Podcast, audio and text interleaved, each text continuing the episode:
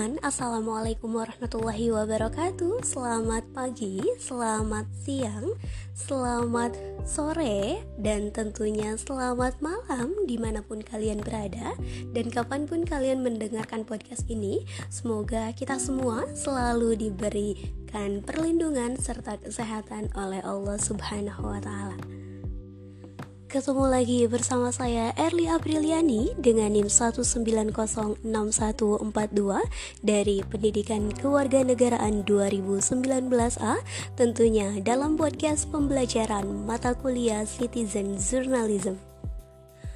Pada kesempatan kali ini saya akan membahas tuntas mengenai late and note graphs. Nah, teman-teman, sebelum kita lebih dalam membahas mengenai hal ini, kita harus mengetahui dulu apa sih sebenarnya lead and note graphs ini. Nah, yang dimaksud dengan lead, terutama lead berita, adalah lead paragraf pertama dalam berita yang tentunya mengandung umum suatu berita, teman-teman. Lead ini lazim disebut sebagai teras berita Biasanya, lead ditulis sebagai paragraf pertama sebuah berita. Bagian ini merupakan unsur yang paling terpenting dalam sebuah berita karena menentukan apakah isi berita itu dibaca atau tidaknya. Jadi, teman-teman, pada intinya, lead adalah saripati sebuah berita yang tentunya melukiskan seluruh berita secara singkat. Nah, Lantas apa yang disebut dengan notes graph atau yang sering disebut sebagai grafik kacang ini? Jadi, dalam jurnalistik, note graph ini adalah paragraf yang menjelaskan konteks cerita di mana istilah ini dapat dieja dengan berbagai cara. Dalam banyak berita, fakta penting dari sebuah berita disertai di bagian utama teman-teman. Satu atau dua kalimat pertama dari sebuah berita. Di mana prospek yang baik ini teman-teman akan mencoba jawaban siapa, apa, kapan, di mana, mengapa, dan bagaimana secepat mungkin. Nah, grafik singkat yang sering dimulai dari paragraf ketiga, keempat, dan juga kelima akan menjelaskan tentang konteks tambahan mengapa berita itu penting dibaca. Nah, semisal saja teman-teman biar agak simple, jika menyangkut sebuah kandidat untuk pemilu yang tentunya akan datang, grafik kacang ini akan menyatakan kapan pemilu itu dan dapat diperluas berdasarkan masalah pemilu. Jika cerita baru adalah bagian dari cerita yang sedang berlangsung, maka grafik kacang ini kemungkinan akan meringkas peristiwa terbaru lainnya yang tentunya berkaitan dengan wahyu tertentu. Nah, teman-teman, setelah mengetahui lead and note graphs ini, lantas apa sih pentingnya lead dalam sebuah media? Nah, jadi lead ini sangat penting dalam media apa pun teman-teman, terutama saat ini ketika pembaca atau pemirsa ini dibombardir dengan begitu banyak informasi dari media cetak, siaran dan juga online. Nah, teman-teman, jika teman-teman mengakses situs berita online apa pun itu, maka teman-teman mungkin akan mendapatkan pilihan 20 cerita atau lebih dengan tajuk utama dan juga arahan di halaman utama. Di mana studi menunjukkan bahwa sebagian besar pembaca surat kabar dan juga online adalah pemindai yang tentunya hanya membaca berita utamanya saja. Nah, biasanya lead ini memberitahu pembaca tentang apa isi berita tersebut. Nah, selain itu teman-teman, pada pembahasan kali ini kita akan membahas tentang prospek ringkasan. Lantas, apa sih itu prospek ringkasan? Nah, prospek ringkasan ini atau prospek berita keras meringkas di kalimat pertama tentang apa berita tersebut. Biasanya pimpinan berita bi, e, hanya terdiri dari satu atau dua kalimat paling banyak. Itu langsung pada intinya, di mana prospek ini atau prospek ringkasan dapat digunakan di media apa pun. Dan biasanya teman-teman bahwa ringkasan lead ini harus menjawab beberapa, tapi memang tidak semua dari pertanyaan dasar. Seperti siapa, apa, kapan, di mana, dan mengapa serta ditambahkan dengan bagaimana dan jadi apa.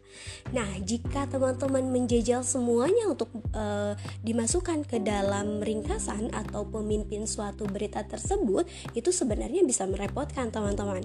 Nah, pilihan faktor terpenting untuk suatu pemimpin berita simpan saja uh, di paragraf yang pertama yaitu tentang apa dan siapa, lalu kemudian di paragraf-paragraf selanjutnya untuk menjawab hal-hal selanjutnya seperti di mana, mengapa dan juga bagaimana. Nah, teman-teman, dari tadi kita telah membahas mengenai isi lead and note yang tentunya bisa diterapkan dalam berita baik online maupun offline. Lantas, apa sih itu menulis online?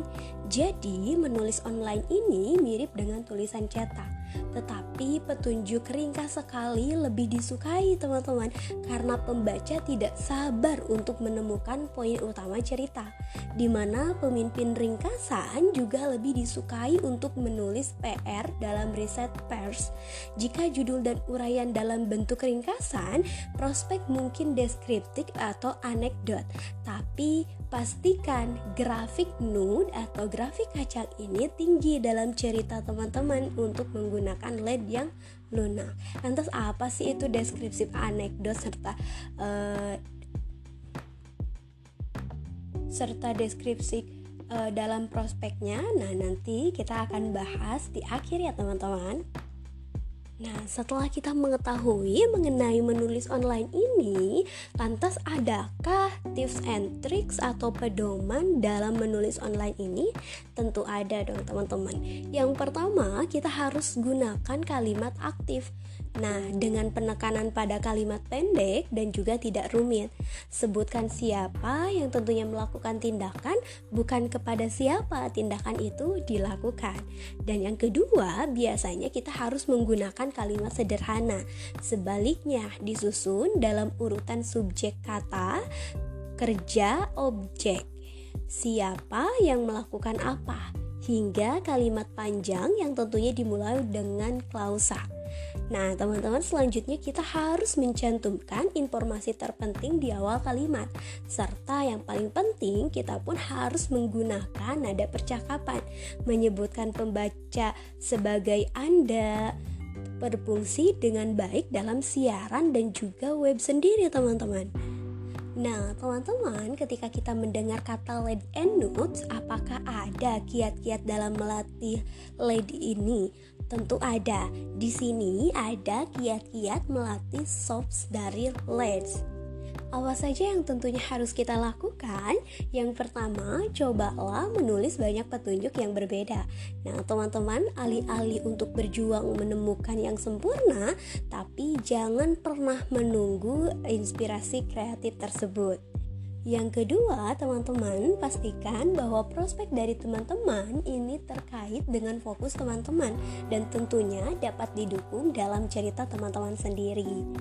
Nah, yang terakhir teman-teman, jangan pernah memaksakan diri untuk menciptakan petunjuk dari kepala kita.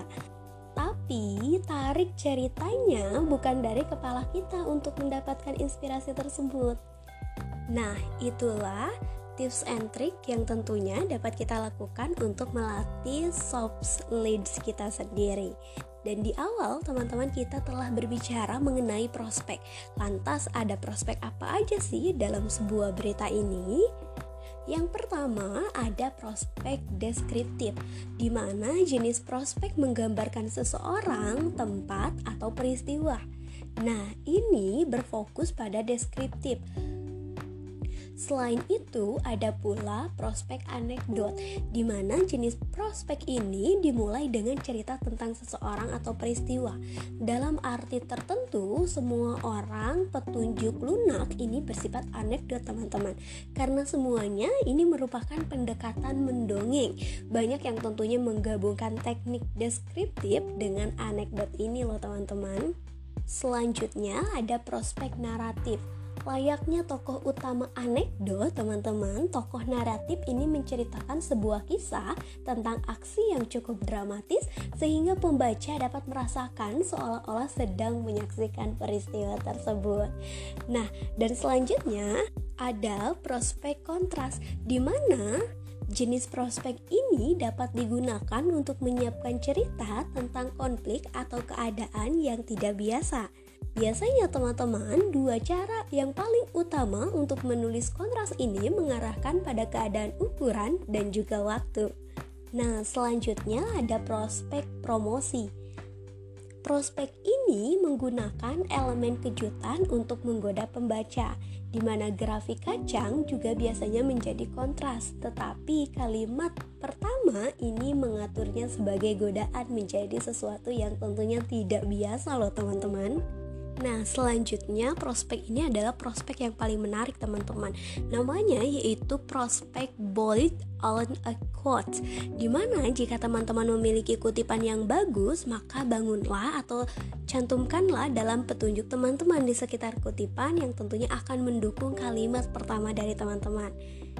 Namun kita harus hati-hati teman-teman untuk tidak mengulanginya terlalu banyak kutipan di awal itu tentunya akan membosankan jika memang berulang. Nah, selanjutnya ada prospek mengarah ke hindar. Biasanya prospek ini yang dijelaskan dalam bagian tegang, tumpul, bertele-tele, dan juga sekadar mengerikan. Serta yang terakhir ada prospek kabar baik atau kabar buruk. Nah, biasanya kabar baik adalah jenis prospek ini. Ini biasanya klise dan sering digunakan sering juga membosankan loh teman-teman. Ini juga biasanya sering menghakimi. Nah, itu tadi jenis-jenis prospek yang tentunya ada dalam sebuah berita. Lantas, bagaimana sih tips untuk menentukan prospek kita sendiri? Nah, untuk menentukan tujuan yang cocok dalam cerita kita, pertama-tama temukanlah terlebih dahulu grafik kacang yang tentunya kita akan gunakan, serta meminta diri kita sendiri apa pun cerita utamanya. Nah, kemudian ajukan beberapa pertanyaan ini kepada uh, kita semua. Yang pertama, mengenai minat pembaca. Yang kedua, mengenai item memorable atau apa sih kesan yang paling berkesan atau fakta yang paling berkesan teman-teman.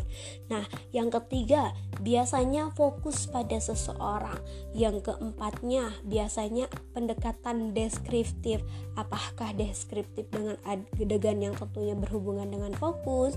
Terus selanjutnya teman-teman biasanya ada pendekatan misteri serta kita harus membangun kutipan serta yang paling penting adalah kontrasnya apakah pendekatan dulu dan e, sekarang berhasil lanjut e, dengan masalah atau solusi serta yang terakhir e, bercerita naratif Maksudnya bercerita naratif, kita hanya menceritakan sebuah cerita yang bagus saja. Jadi bagaimana caranya? Uh, kita harus memulai merekonstruksikan peristiwa untuk menarik perhatian pembaca. Nah, teman-teman, itu tadi penjelasan yang tentunya dapat saya sampaikan mengenai Ladies and Notes ini. Selanjutnya, saya akan menyertakan pertanyaan bagi teman-teman semua. Pertanyaannya simpel saja, teman-teman. Ketika telah dijelaskan tadi mengenai prospek-prospek dalam menulis, terutama dalam menulis berita, apa sih yang teman-teman ketahui mengenai prospek deskriptif, prospek naratif, dan juga prospek anekdot? Untuk pertanyaannya, boleh langsung dilampirkan saja di podcast teman-teman ya. Nah, Selain itu juga saya akan menjawab pertanyaan dari saudari Elia yaitu rekan saya sebelumnya yang telah memaparkan mengenai Let's and News juga. Nah, ia bertanya mengenai sebutkan ciri-ciri prospek ringkasan. Baik, saya akan menjawab bahwa meringkas di kalimat pertama, petunjuk terdiri dari satu dan dua kalimat biasanya, langsung ke intinya dan juga dapat digunakan di media apa pun. Nah, teman-teman, mungkin itu saja yang dapat saya sampaikan pada episode kali ini. Mohon maaf apabila masih banyak kesalahan dan juga kekurangan. Sampai jumpa di episode-episode selanjutnya. Terima kasih telah mendengarkan podcast ini sampai akhir. Akhirul kalam wabillahi taufiq walhidayah. Assalamualaikum warahmatullahi wabarakatuh. Salam sehat bagi kita semua.